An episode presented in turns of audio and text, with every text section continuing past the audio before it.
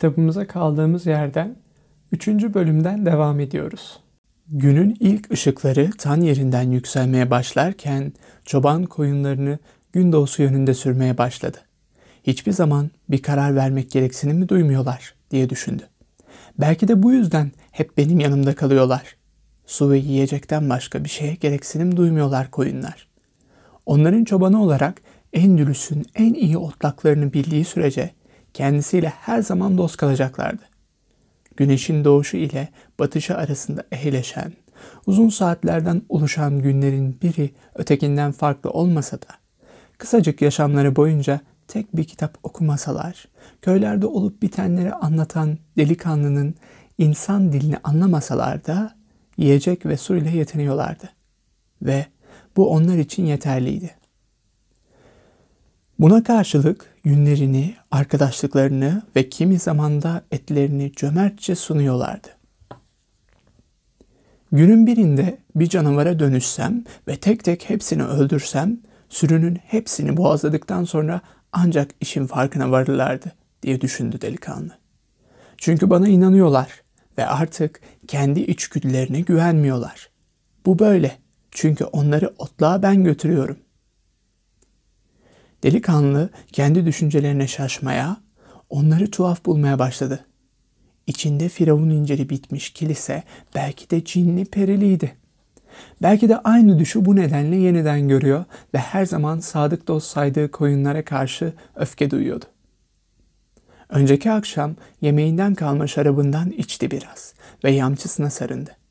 Birkaç saat sonra güneşin yükselmesiyle artan bunaltıcı sıcaklar yüzünden sürüsünü kırda dolaştıramayacağını biliyordu. Yazın bu saatte bütün İspanya uykuya dalardı. Sıcak gece ininceye kadar sürerdi. Ama bu arada yamçısını yanında taşımak zorundaydı. Her şeye karşın bu yükten yakınmaya kalkıştığı zaman sabah ayazını bu yük sayesinde hissetmediğini anımsıyordu kuşkusuz. Havanın beklenmedik değişikliklerine karşı koymaya her zaman hazır olmalıyız diye düşünüyordu o zaman. Yamçının ağırlığına katlanmayı minnetle kabul ediyordu. Yamçının da bir varlık nedeni vardı. Tıpkı delikanlının hikmeti vücudu gibi. Orası senin, burası benim Endülüs ovalarını iki yıl dolaştıktan sonra bölgenin bütün kentlerini ezbere öğrenmişti. Yaşamına anlam veren şey gezip dolaşmaktı. Basit bir çobanın neden okuma bildiğini bu kez genç kıza açıklamak niyetindeydi. 16 yaşına kadar papaz okuluna gitmişti. Anne babası onun din adamı olmasını istemişlerdi. Tıpkı koyunları gibi yalnızca su ve yiyecek için çalışan yoksul bir köylü ailesi için gurur kaynağıydı böyle bir şey. Latince, İspanyolca ve din bilimi okumuştu. Ama daha küçüklüğünden itibaren dünyayı tanımayı hayal etmişti. Tanrı'yı ya da insanın günahlarını öğrenmekten çok daha önemliydi böyle bir şey. Bir akşam ailesini görmeye giderken bütün cesaretini toparlayıp babasına rahip olmak istediğini söyledi. Yolculuk yapmak istiyordu.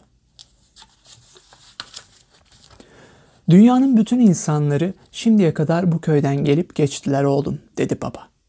Burada yeni şeyler aramaya geldiler ama hiç değişmediler.